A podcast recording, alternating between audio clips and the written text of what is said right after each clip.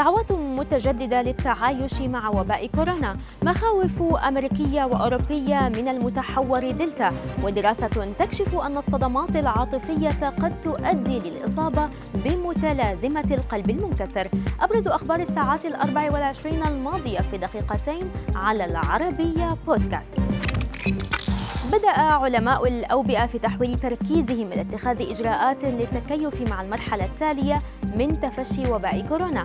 وكالة بلومبرج ذكرت أنه مع قيام الدول الغنية بإعطاء اللقاحات لنسب متزايدة من سكانها أضحت الصلة بين أعداد الإصابات والوفيات تتضاءل. ما يجعل التركيز الآن ينصب على تعلم كيفية التعايش مع الفيروس لتفادي عمليات الإغلاق الضارة بالاقتصاد.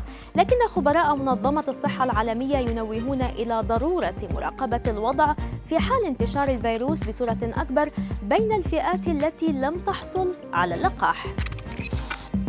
بعدما كشفت منظمة الصحة العالمية أن متحور دلتا من فيروس كورونا المكتشف في الهند تم تسجيله في 92 دولة حتى الآن فيما يتجه عدد الإصابات في كل من أوروبا وأمريكا إلى ارتفاع كبير منذ الأسبوع الماضي.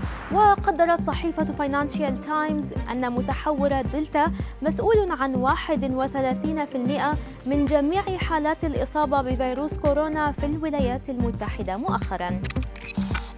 كشف خبراء بريطانيون أن استخدام أجهزة الاستنشاق المخصصة لمرضى الربو يمكن أن تسرع من تعافي مرضى كوفيد-19 وذكر الخبراء أن هذه التصريحات تثير الآمال بإنهاء الإغلاق قريبا إذ ستكون لدى السلطات الطبية وسيلة جديدة لتسريع وتيرة التعافي من كورونا. ويبلغ متوسط المدة التي يمكثها مرضى كورونا في المستشفيات البريطانية ثمانية أيام. بينما يمكن لأجهزة استنشاق الربو أن تقلل تلك المدة بواقع ثلاثة أيام. الصدمات العاطفية والمواقف المسببة للتوتر والإجهاد جميعها قد تكون سببا في الإصابة بمتلازمة القلب المنكسر وذلك وفق دراسة طبية. وتعرف متلازمة القلب المنكسر باسم اعتلال تاكوتسابو لعضلة القلب. وفيها يتم تعطيل وظيفة ضخ القلب للدم بشكل مؤقت ويشعر المصاب بألم مفاجئ في الصدر.